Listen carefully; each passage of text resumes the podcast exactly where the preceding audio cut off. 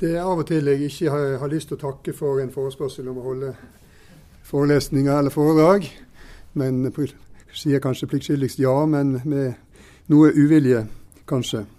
Men eh, det, det var, jo, var, faktisk i utgangspunktet motsatt med akkurat denne forespørselen. Fordi jeg tenkte ja, endelig kanskje jeg kan få et svar på de spørsmålene jeg selv har, og ennå ikke har gjort meg opp en endelig mening om når det gjelder disse ting. Så det var jo på tide i min alder at jeg begynner å bli klar over hva jeg mener egentlig om dette spørsmålet tusenårsriket. Så sånn sett så var jeg glad for forespørselen, ja for ganske lenge, helt til i går eller foregårs. Hvor, hvor det da begynte å bli sene nattetimer. Og eh, ja, Temaet er komplekst, det er vanskelig, og vi har fått en fin påminnelse om det av Jan, at vi, her må vi snakke med ydmykhet og varsomhet. Og eh, akkurat det ordet du siterte fra, fra Johannes 13, 19, det ble også minnet om av en annen i salen her før, før møtet i dag, og mente at det var kanskje et godt fortegn, og det tror jeg det er fremdeles. Um, jeg har eh, laget en eh, disposisjon. Nå er det så voldsomt fremmøte her at jeg må kanskje be Rune om du kan ta noen kopier til. For jeg tror ikke jeg har nok hvis alle vil ha ett hver. ja, han er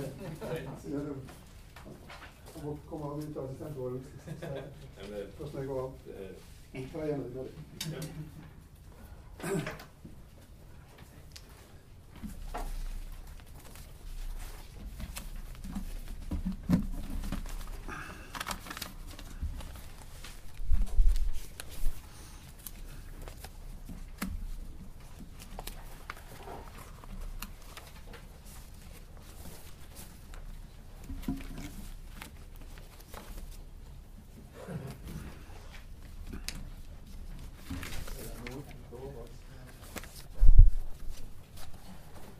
Ja, det kommer noen flere eksemplarer der. Men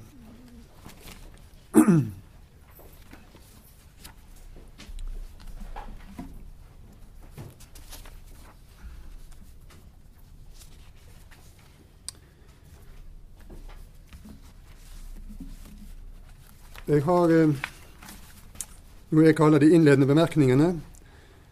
De blir ofte for lange, men eh, jeg syns de er særdeles viktige at de er særdeles viktige i, til dette temaet. For eh, når man har beskjeftiget seg en stund med det og begynner å gå litt vill og kanskje litt trett i de mange hypoteser og, og eh, irrganger som dette temaet kan medføre, så, så, er det godt å minne om noe som er, må være i bunnen uansett, og la det få være noe vi kan hvile i. Med våre mange spørsmål kanskje etterpå. Eh, derfor så har jeg sitert litt til å begynne med fra Den hellige skrift, og understreket at det vi nå snakker om, fremtiden, den er Guds og ikke vår. Og at fremtiden styres av, av Guds sikre hånd, og at han som sto ved begynnelsen av historien og hadde det første ord, han skal også stå ved historiens slutt å få det siste ord. Og eh, det som Jan vel også siterte her, om at våre tider, mine tider, er i Herrens hånd. Jeg er i Herrens hender i alt som med meg skjer. Verken død eller liv, verken det som nå er eller som kommer, skal kunne skille oss fra Guds kjærlighet til Kristus Jesus, vår Herre. La det få være det som står foran. Det er alt som måtte komme ellers.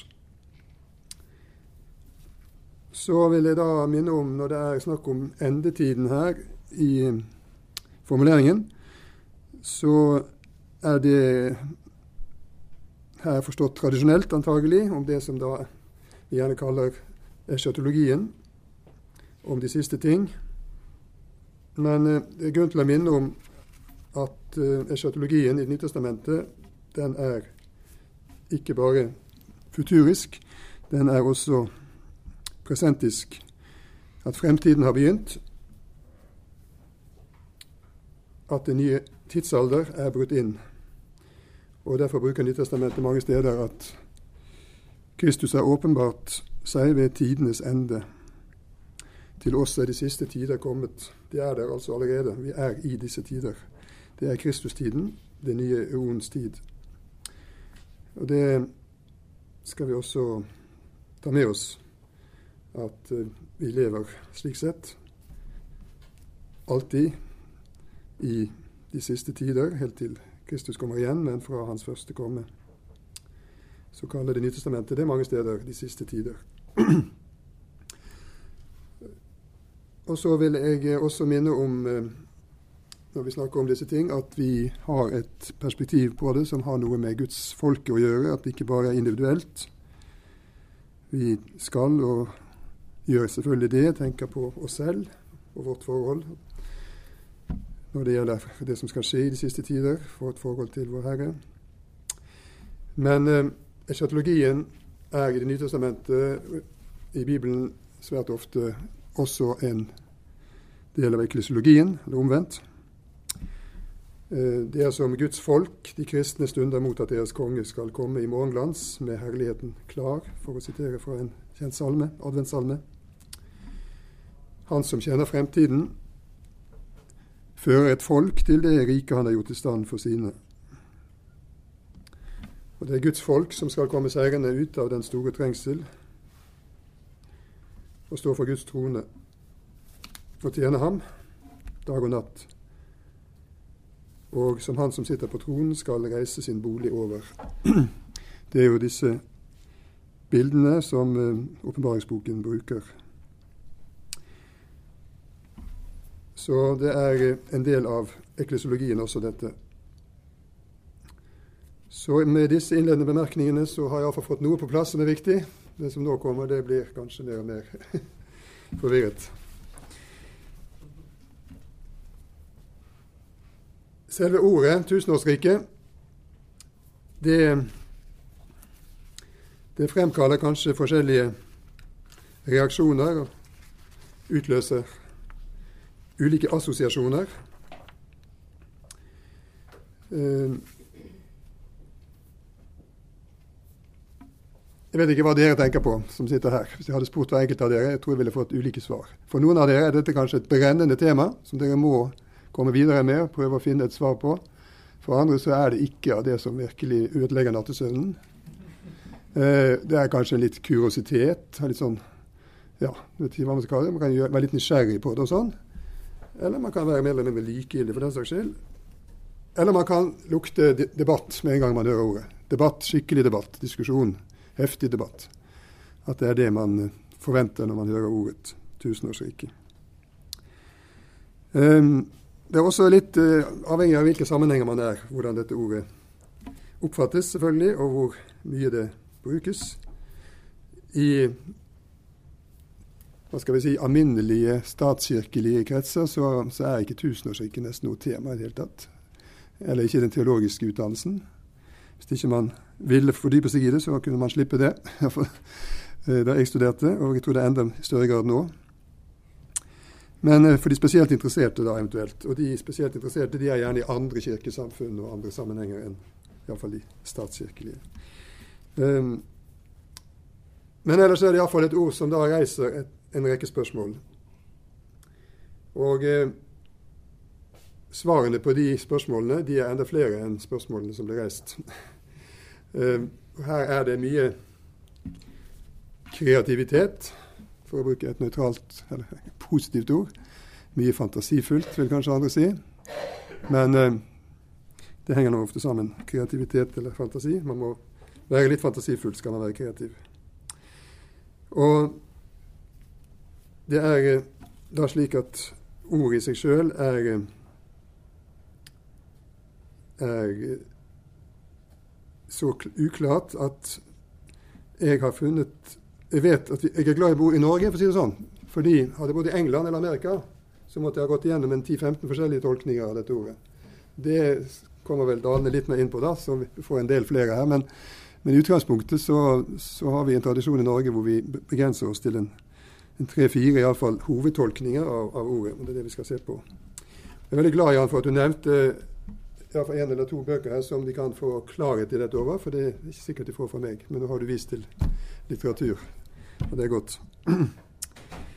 Um, Ellers skal vi være klar over at ordet 'tusenårsriket' ikke forekommer i den teksten som er hovedteksten for dette. Noen tror at den står der, men det gjør faktisk ikke det rent bokstavelig. Så er det ikke snakk om et rike der. Det er snakk om de tusen år. altså det er en periode, en tidsalder.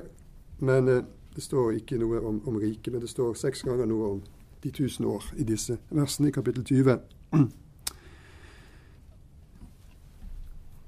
Og Så er det da til slutt her en bemerkning om at denne tanken om de tusen år, den finnes ikke Det kan diskuteres.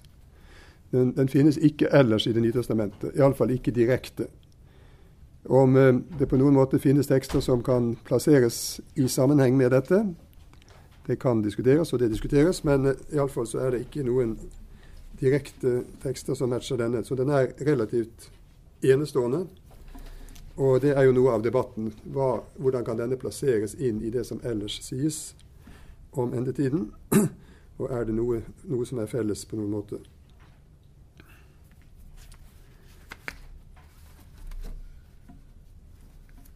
Og så da til, eh, til ulike tolkninger.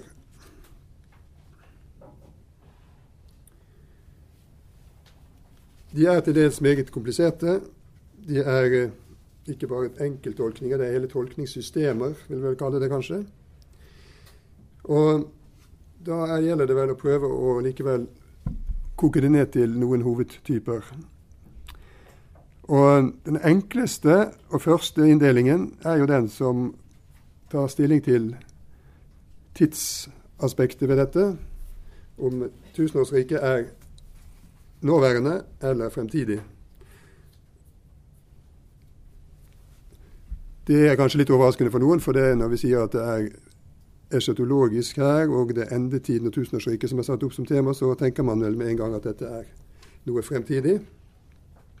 Men eh, det er jo da slik at den eh, mest utbredte tolkningen av dette, den går ikke på fremtiden. Den går på at dette riket er en nåtidig virkelighet, nemlig da det som vi gjerne kaller den kirkehistoriske tolkning. Og Det er de to hovedtypene. Fremtidig eller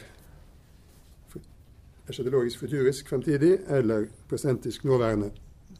Vi må tro vi skal begynne der. Da har vi iallfall to kategorier.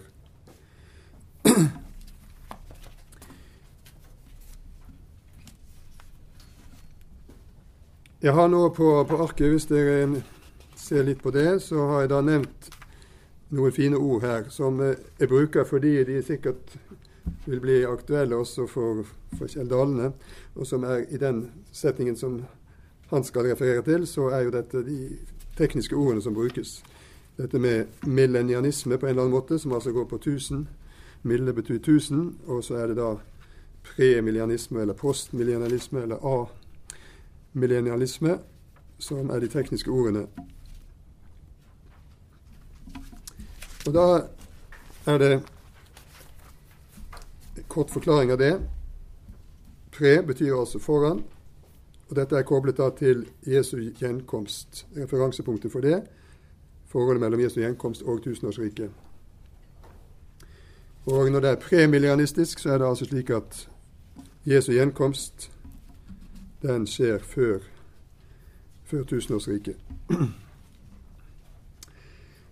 Eh, det var den vanlige tolkningen i, i Oldkirken frem til 300-tallet. Det vil si at de eldste kirkefedrene og de mest kjente av dem de hadde en slik premillenalistisk tolkning. Fra Ignatius som den eldste og fremover til Tertulian og Hippolyt på 200-tallet. Men også da kjente kirkefedre som Justin Martyr, Reganeus, Tertulian, som jeg sa. Eh, og disse taler da om et rike, et mellomrike, et messiansk mellomspill, eller en mellomakt, på forskjellige måter. De er ikke på langt nær slik at de fremstiller dette helt likt, men eh, det er altså felles om det at de har De snakker om Jesu gjenkomst før dette riket. Når det gjelder å innholdsbestemme det, innholdsfylle det, så, så kan de nok avvike på, på flere måter. Men de har også noe felles.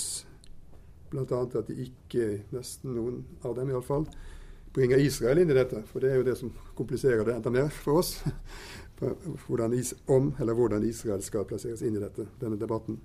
Men det er, den er fraværende stort sett hos disse oldkirkelige fedrene. Um, når det gjelder verdien av en slik observasjon, den er selvfølgelig begrenset til det bibelske materialet som er hovedsak, men uh, jeg pleier alltid å legge inn et godt ord for Oldkirkens tolkninger, kort og godt fordi de er mye nærmere i tid, miljø, i språk, enn en vi. Og har et pre, en, en fordel der som, som, vi ikke har. Så det må være all grunn til å, å ta dem særdeles alvorlig. Ikke minst fordi det også av de som er nevnt her, så er det to-tre stykker som levde i det samme miljøet som, eh, som åpenbaringsboken har sin bakgrunn i. Med Papias som en av dem. Og da er det altså grunn til å, til å lytte ekstra.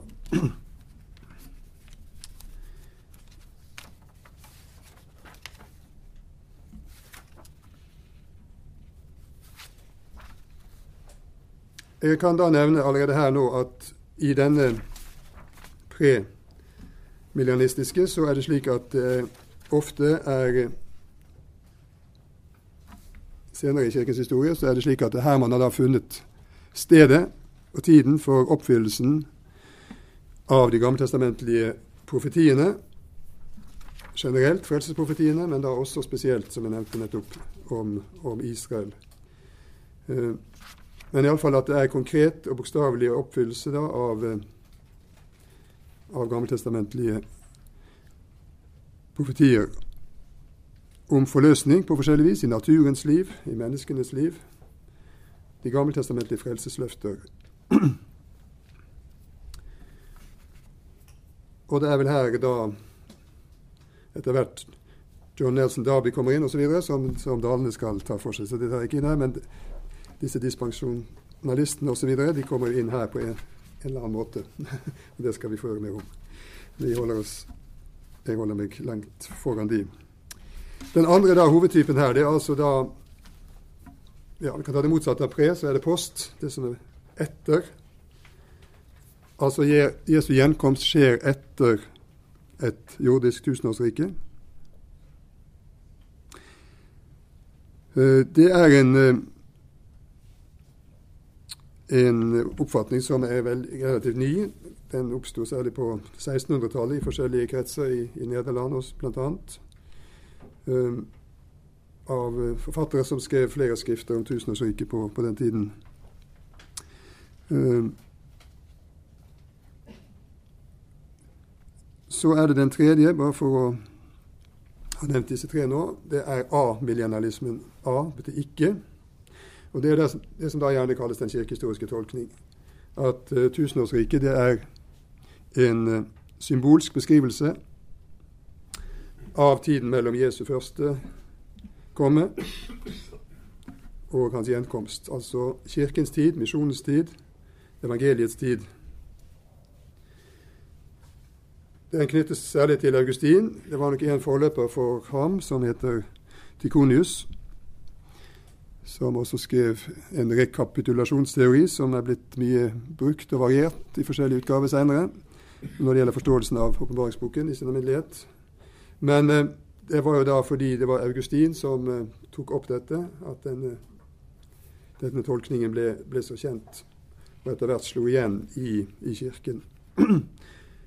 og eh, Luther overtok den igjen, og den er iallfall forutsatt, må vi kunne si, i, i den augsburgske bekjennelse, artikkel 17. Um, det er jo et dilemma for seg som jeg egentlig ikke behøver å snakke om, tror jeg, siden ikke det jeg skal holde med Nytestamentet. Men uh, jeg vil jo tro noen av oss vil, noen av dere vil spørre om det. Hvor, hvordan skal man forstå Augustander 17 her? Og i så fall, hvis man har en annen mening om tusenårsriket enn den som muligens er til stede der, er man da, ja, er man da ikke lenger bekjennelsestro? Hvordan skal vi forholde oss til det? Vel, det får vi får ta med oss. Men i alle fall så Det brukes ikke ordet tusenårsriket direkte der, men eh, det er vel litt forutsatt iallfall, og er noe i, den, i retning av det. Men vi lar det ligge foreløpig.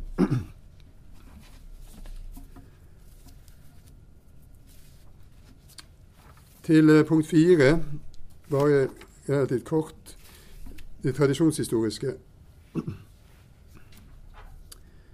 Hvor har Johannes forestillingene fra? Ja, må han, må, må han, ha det fra noe sted. Han kan jo være den første, selvfølgelig. Men eh, han er nå ellers meget tradisjonsbevisst og overtar tradisjoner hele veien. Fra ulike apokalyptiske sammenhenger spesielt. Og eh, det er derfor helt legitimt å se om det er noe lignende i jødedommen. Og jødedommen har jo et svært, svært materiale av apokalyptiske stoff og tradisjoner som eh, man må ta seg bryet med å sette seg inn i hvis man skal tolke åpenbaringsboken generelt og tusenårsriket spesielt. Eh, og Det er en jobb å gjøre. Det er delvis ukjente skrifter for de fleste av oss. Det er ikke de gammeltestamentlige apokryfene som vi kjenner kanskje litt til, men det er de såkalte pseudepigrafiske skriftene. gjerne. Og de er vel ikke vanlige på, på, i bokhyllene rundt om. Men eh, jeg har trykt opp én tekst eh, på, fra fjerde Esras bok. For eh, det å si til dere som, og som til studentene at jeg får lese dette når jeg kommer hjem, det har jeg sluttet med, for det vet jeg at det skjer ikke. Så jeg har begynt å trykke opp tekster hvis det er noe jeg vil vise til. Um, og Fjerde Esra det er et skrift da, det er en jødisk apokalypse fra første århundre etter Kristus med en rekke kristne innslag, for å si det sånn. Den er blitt bearbeidet kristelig. og har, Derfor så er det litt merkelig kanskje her å, å lese om, eh, om, Jesus her, som det er i, i vers 28. Jesus min sønn skal bli åpenbart i en jødisk apokalypse. Men det er altså helt klart en, en kristen bearbeidelse. Og andre deler av dette skriftet er enda er helt klart kristent bearbeidet. Men opprinnelig da en jødisk eh, apokalyptisk skrift etter Jerusalems fall, hvordan man skulle tenke om fremtiden etter det. Og Jeg tror ikke vi skal ta tid til å lese hele det som jeg har tatt med her, men eh, det er de første versene, kanskje. Det kommer en tid, fortsatte engelen, da de tegn jeg har fortalt deg om, skal komme til syne. Da skal bruden og byen vise seg, landet som nå er skjult, vil bli åpenbart. Alle som er blitt frelst fra de trengsler jeg har forutsagt, skal få se mine store gjerninger. Da skal Jesus, min sønn Her får vi da lese Messias, hvis vi skal lese jødisk. Da skal Messias bli åpenbart sammen med dem som er hos ham. I 400 år skal han bringe glede til dem som er tilbake når disse årene er til ende, skal Messias, min sønn, dø sammen med alle mennesker som lever. Da skal verden vende tilbake til den opprinnelige taushet i sju dager, som det var i begynnelsen, og ingen skal overleve. Etter sju dager skal den verden som ennå sover, vekkes opp, men den forgjengelige verden skal forgå. Jorden skal gi tilbake dem som sover i den, og støvet dem som bor der i taushet. Ja, det er altså i hvert fall her klart, om, det er klart at det er ulike Eh, etapper her, og epoker, og det er snakk om et rike, et mellomrike, messiansk rike. og det er eh, flere felles trekk strukturelt med, med, med, stoff som vi kjenner fra, fra Johannes' åpenbaring her. Eh, tidspunktet her er det de 400 år. Det er et av mange, mange bud, bud på hvor lenge dette riket skal vare. Vi har 40 år, vi har 400 år, vi har 4000 år og masse andre i ulike jødiske kilder og politiske. Det viser jo bare hele tiden at, at det er snakk om symbolske tall. At også 1000-tallet da er symbolsk, som vel de aller fleste er enige om. Og det viser disse jødiske apokalypsene også helt klart, med så mange ulike tallangivelser som søker sin bakgrunn i Det gamle testamentet på forskjellig vis. Det er spennende lesning, egentlig, men jeg skal ikke gå inn på det. Men iallfall noe av det samme, da, en tidfesting og noe som skal skje da, og noe som skal skje deretter. Så her har vi her har vi da iallfall en tradisjonshistorisk bakgrunn som, uh, som vi da må si at uh, Johannes antagelig han omarbeider den, og han kristeliggjør den på mange vis med kristent innhold, men knytter an da altså til, til et ganske bredt stoff om disse ting i mellomtestamentlig, hovedsakelig mellomtestamentlig jødiske skrifter.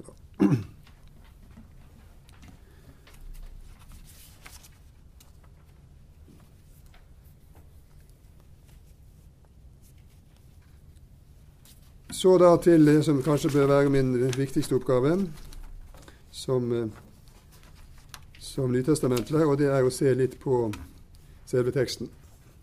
Så nå kommer jeg til noe som jeg føler meg mer hjemme i. Og det er vel det som er eh, mitt spørsmål til mange av de tolkninger som er satt frem om tusenårsriket, i hvilken grad har de støtte i disse få versene det, som det er snakk om her? Åpenbaringen kapittel 20 vers 1 til 6 eller 1 til 10. Uh, og Da må jeg nok si at jeg finner svært mange eksempler på det som ikke er eksegese, men det motsatte, og det kalles eisegese, og det er tekstinnleggelse. Uh, hvor det kommer med, kommer med, påstander som ikke har, etter min mening, noe som helst hold i den faktiske tekst. Ikke så ukjent fenomen det er generelt i bibeltolkningen, men kanskje ekstra tydelig i, i dette spørsmålet her. Så skal man jo, Når man tolker en tekst, så skal man jo se den i sin sammenheng. Det er første bud. Og da er det vel viktig iallfall å se på det som går foran umiddelbart, og det som følger bak i åpenbaringsboken. Og Da er det iallfall helt klart at vi i kapittelet foran så har vi et avsnitt som taler om Jesu gjenkomst. Seierherren Rytteren som kommer ridende på den hvite hest, den trofaste og rettferdige. Vi har ikke tid til å lese tekstene, men det er der fra 1911 til 21, skildringen av dette.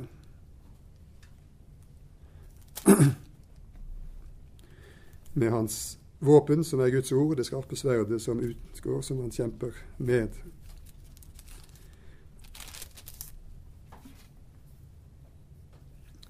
Så har vi, hvis vi går eh, bak teksten, eh, altså det som følger etter, så har vi et avsnitt, slutten av kapittel 20, som er overskriften i denne oversettelsen, Bibelselskapets 'Dommen'.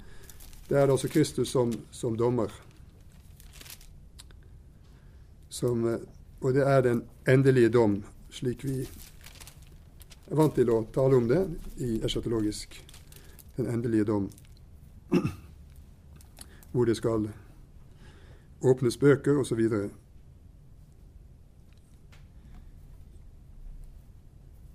Og, så kommer da det som står imellom her, mellom gjenkomst, Jesu gjenkomst og dom.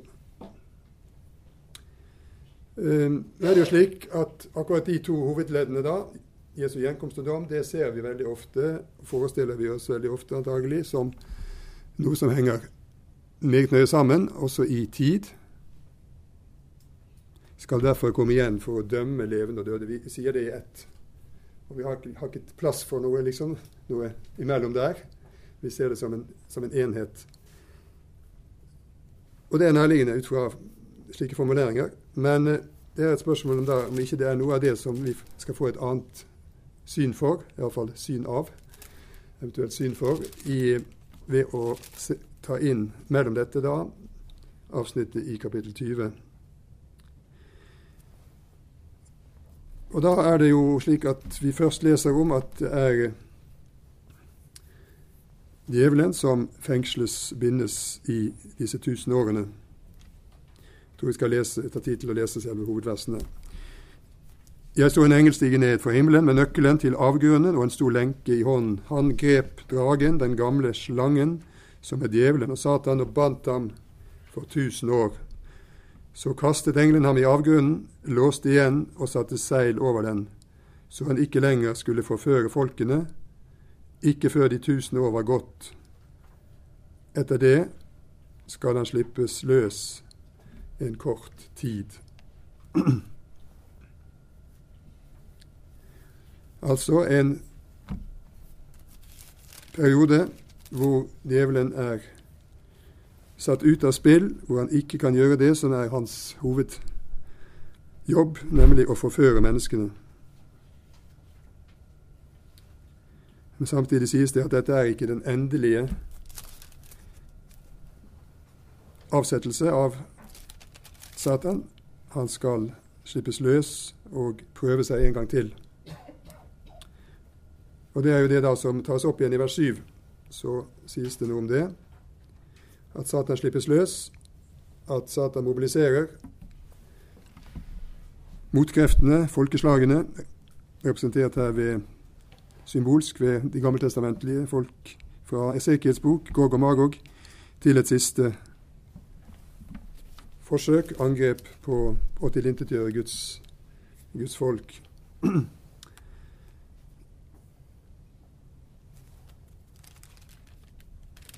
Men det vil si at det her har to mellomakter mellom Jesu gjenkomst og Jesu endelige domsavsigelse. To mellomakter. Hvis vi så går til de to siste kapitlene, 21 og 22, så er jo det fullendelsestilstanden, det er saligheten, den endelige salighet, det fullendte Guds rike. Slik som vi tradisjonelt taler om det eschatologisk, så er det det vi leser om på de to siste kapitlene i et fantastisk rikt billedspråk. Så der er vi iallfall i den, det endelige og endegyldige fullendelsestilstand.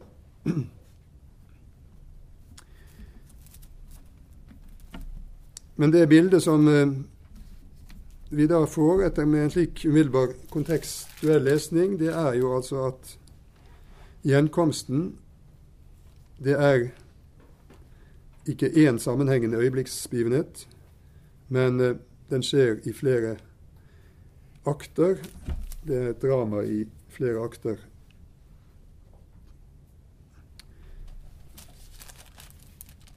Og da er spørsmålet igjen da, hva er det som skjer i dette, disse aktene? Særlig den første mellomakten, da. Fra vers 6 til, til eh, Fra vers 4 til vers 6.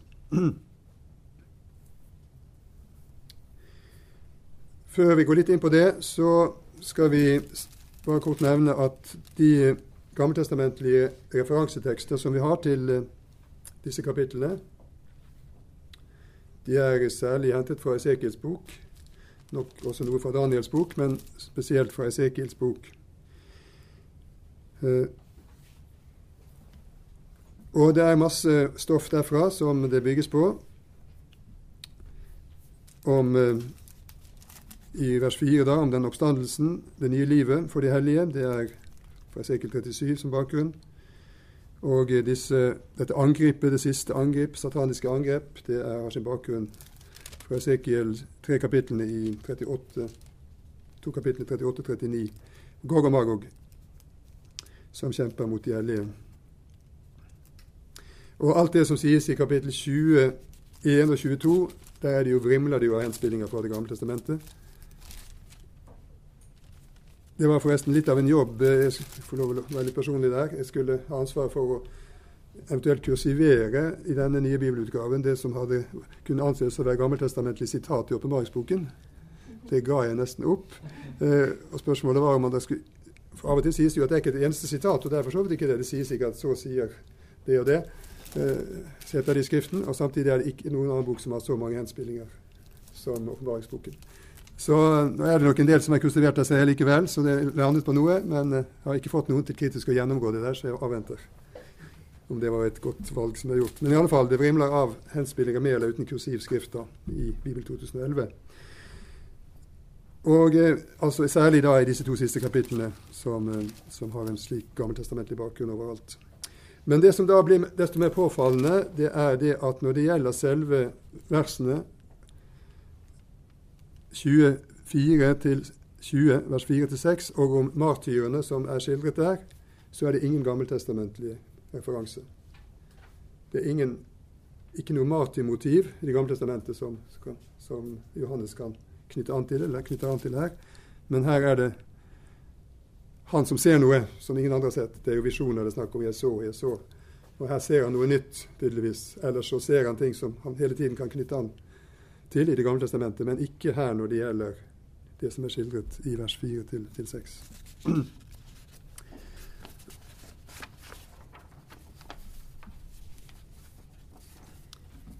Og da er det kanskje slik at når vi ikke finner det i Gamletestamentet, så må vi da se om vi finner noe av dette, og det er det nærmeste stedet å gå, i åpenbaringsboken selv.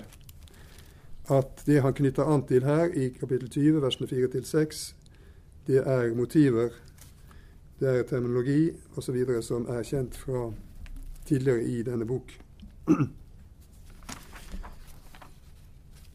Og det er det Og det er vel de fleste fortolkere enige om at det er det. Det kan man fastslå ved å sette det opp synoptisk ved siden av hverandre, to tekster, og så ser man at det er svært mange like formuleringer, nemlig spesielt til kapittel 6 i åpenbaringsboken. Og der er det da spesielt versene 9 til 11. Vi har heller ikke tid til å lese alt dette nå, men der brukes det jo Det er snakk om martyrene, iallfall, de som er slaktet for Guds ords skyld og for sitt vitnesbyrd, og som eh, har sine sjeler under alteret, som det står, og som roper med høy røst til Herren og spør hvor lenge vil han vente med å holde dom. Holde dom kan også bety her å gi rett, gi retten, altså til disse som har mistet livet for Jesu Kristi skyld. Hvor lenge?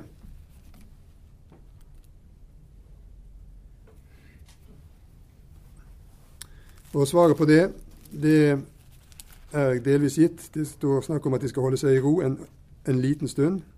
Til tallet på de medtjenere og søsken som skulle bli drept, var fullt.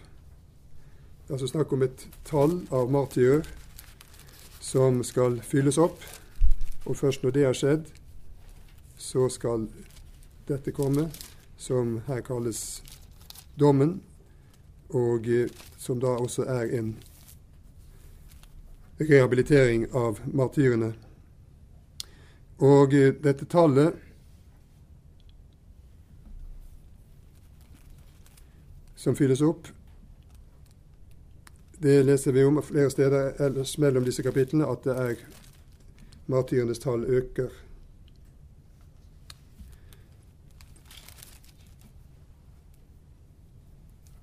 Og det som, Bildet som da gir seg, er altså at denne sammenhengen her er helt klar. Det er martyrene som, som er de det er tale om her, som er fokusert. De som har mistet sitt liv pga. sin trofasthet mot Jesu vitnesbyrd og Guds ord, og som ikke har tilbedt dyret eller dyrets bilde.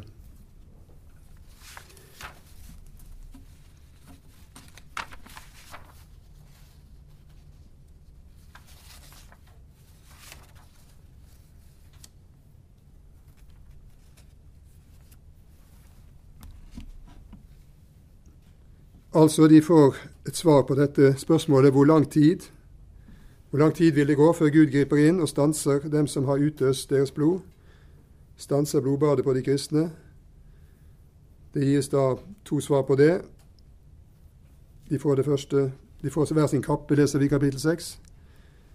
Og så får de beskjed om å holde seg i ro da enda en liten stund til tallet, martyrenes tall er fullt.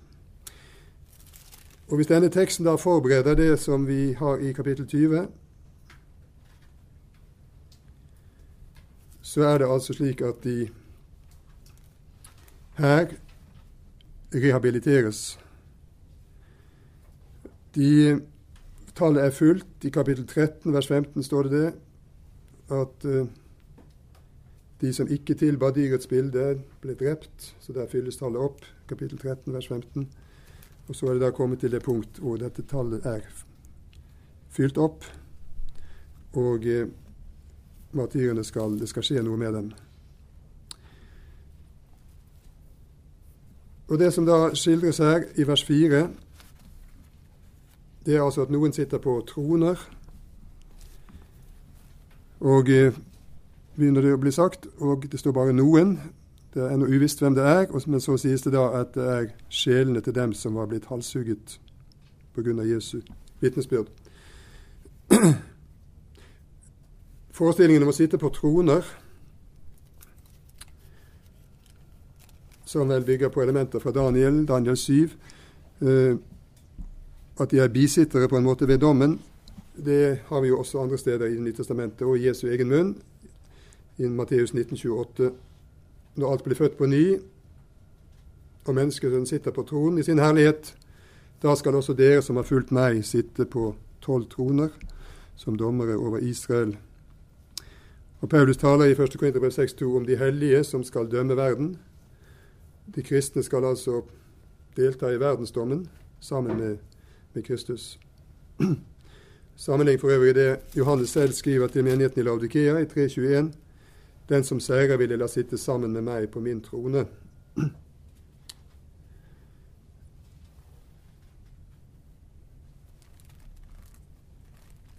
Det er altså disse som da ikke har dyrets merke i sin panne. Og det er vel, slik jeg ser det, så fall, så er vel det tidshistorisk å forstå. Det er de som ikke har tatt del i keiserdyrkelsen, som ikke har brent røkelse foran statuer av keiseren osv., og, og som har måttet ofre sitt liv av det.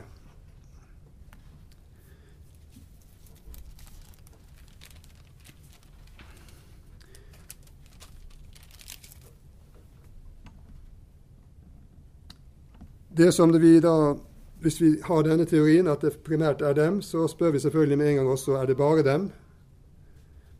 Og eh, hvis dette er et rike som opprettes her spesielt for dem, hvor er da de andre troende i denne tiden? Slike spørsmål melder seg jo da med en gang. Men la oss se litt mer på, på selve teksten. Det er jo en formulering her som er helt avgjørende for forståelsen av tusenårsriket, eller motsatt, tusenårsrikets forståelse, avhengig av ja, hvilken vei man ser det.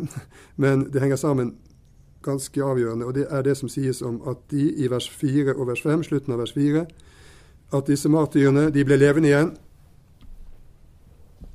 og at det er snakk om at dette er den første oppstandelse. Det er litt av eh, nøkkelen til tolkninger tolkninga av tusenårsriket, hvordan man forstår akkurat den terminologien der.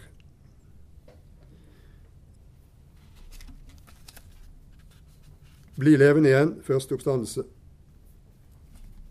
Er det bokstavelig forstå, fysisk oppstandelse fra de døde, eller er det åndelig symbolsk å forstå, å få nytt liv, åndelig liv?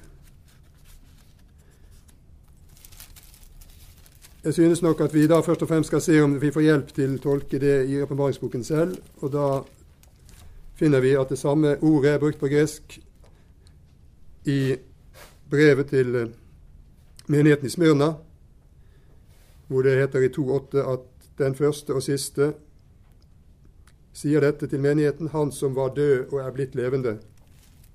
Altså om Kristus som er død og levende, og det er selvfølgelig da går det på hans oppstandelse.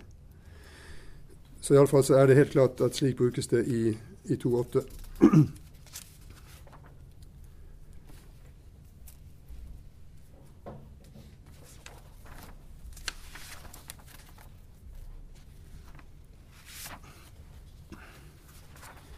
I, eh, hvordan skal man da forstå dette hvis det er åndelig å forstå? slik som det da blir gjort i den kirkehistoriske tolkning.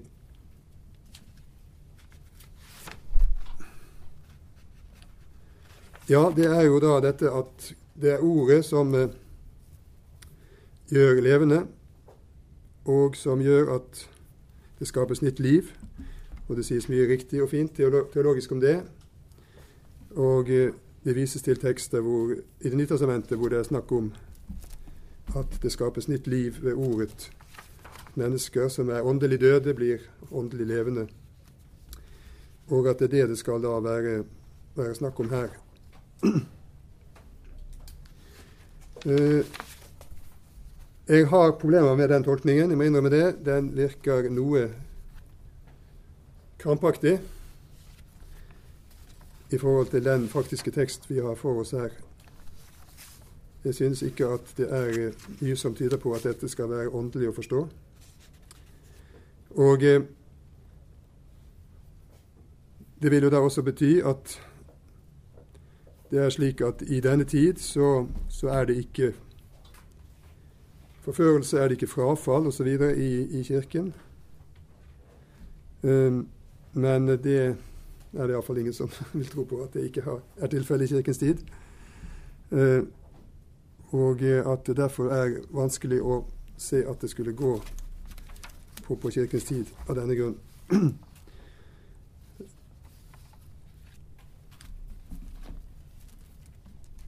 Så ja, Jeg har mye mer her på manuset om akkurat dette, men poenget håper jeg dere får tak i, at det å tolke dette åndelig det synes jeg altså ikke det er, det er gode grunner til ikke å gjøre. Og dermed så, så, faller av den grunn alene egentlig da den kirkehistoriske tolkning for meg. Min måte å se det på.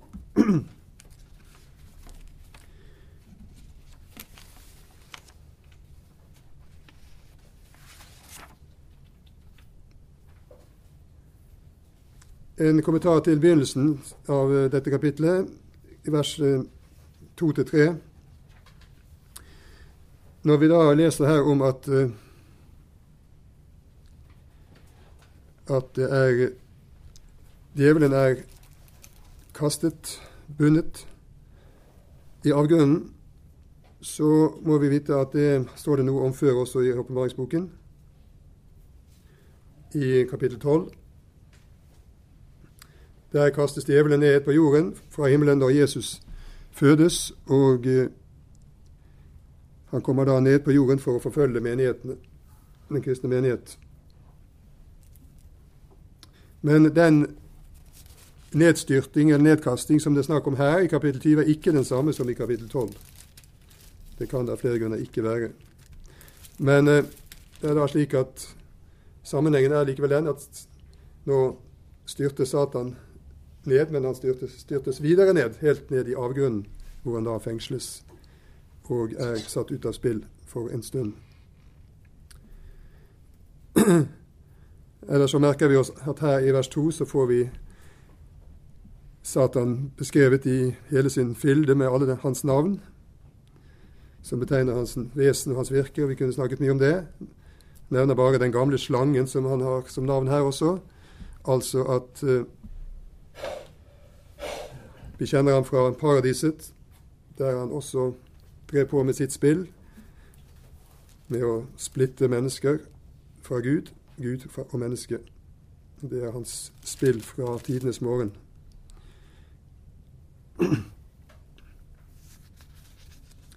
De tusen år da, for å bare nevne det en gang til, jeg sa at det var symbolsk, og det må være det, ti ganger ti ganger ti. Og det er iallfall her uttrykk for en lang tid, en lang tidsperiode. Og den står, denne angivelsen står vel særlig i kontrast til en annen tid som er omtalt som tre og et halvt år, som er trengselstiden. 42 måneder, 1260 dager, eller forskjellige betegnelser på det samme. Men alt sammen da likevel noe som er langt mindre. Seieren og hvilen er så langt større enn en trengselen, uttrykkes det med tall på den måten der.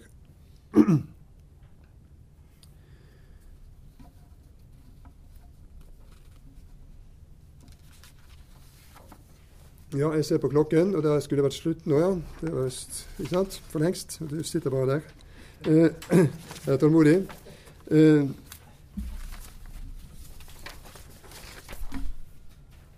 jeg har fått noen svar i mine siste dager og netters studier, men jeg har fremdeles spørsmål. Jeg bare antyder et par spørsmål helt til slutt. Hvis jeg går inn for den martyrteologiske forståelse, som flere og flere gjør faktisk i nyere tid, den er jo ikke det er ansatser til den ellers i, i, i eldre tid osv., men ikke så rendyrket som jeg kanskje nå har fremstilt det. Men eh, hvis jeg går inn for den, så, så, rei, så, reiser seg det altså et spørsmål. Er martyrene her på noen måte representative for andre, eller er de en eksklusiv klasse, så å si, som eh, får en ja, et privilegium som, ingen, som ikke andre kristne har, som ikke har hatt disse lidelsene, hatt dette martyriet for Kristi skyld, at de får en, en særbehandling, så å si, i, i dette riket på denne måten, hvor de skal være sammen med Kristus og være på hans troner, og hvor de rehabiliteres. Hva da med, med, med de andre kristne? De andre døde ble ikke levende før de tusen år var gått, vers 5. Hvem er de andre døde her? Det er det hele menneskeheten, inklusiv de kristne som ikke er martyrer osv. Det er noen spørsmål der som jeg ikke har svar på, og som kanskje ikke finnes svar på. Men Jeg tror denne løsningen min den er vel ikke verre eller bedre i den forstand at den også den gir noen svar, og så kommer det nye spørsmål. Og Det har de med seg, de, de andre også. Og Det tror jeg vi skal leve med. Og Samtidig så skal vi ikke et øyeblikk være i tvil om at dette som Johannes skriver, det han vil formidle først og fremst, både med dette han skriver her, og det han vil med hele sin bok, det er å trøste sitt folk. Det er et trøsteskrift, først og fremst, åpenbaringsboken. Og det er en trosstyrkende for å vise at Gud har tross alt kontrollen over sin historie. Den er i hans hender, og ikke i menneskenes hender. Og ikke noe kan stoppe hans, hans plan. Og eh, det skal bli en avslutning og en seier. Og eh, der skal de som har holdt fast, også i martyriet, nettopp de, og alle som ikke har sviktet Kristus, de skal få oppleve frelsen i all dens fylde og herlighet og ta del i den evige lovsang. Vi må ha det perspektivet, og så må vi la de andre spørsmålene få den dimensjonen de skal, og så får vi være ydmyke. Og så må det kanskje til og med være lov å skifte mening i dette spørsmålet. Det er vel mange som har gjort det. Har ikke Olaf Hans Enstad skiftet mening òg? Rykte om det, ja. ja. Og andre. Så, så det er vel, er vel, tillatt. Og jeg har nok skiftet mening i forhold til den litt uh, slappe, begrunnede holdningen jeg hadde i, i, studietiden og hatt siden. Vel, takk for eventuell oppmerksomhet. Og så tar vi en pause nå. Eller skal være, ja, oppklaringsspørsmål helt kort, men det må være veldig kort. for det ja,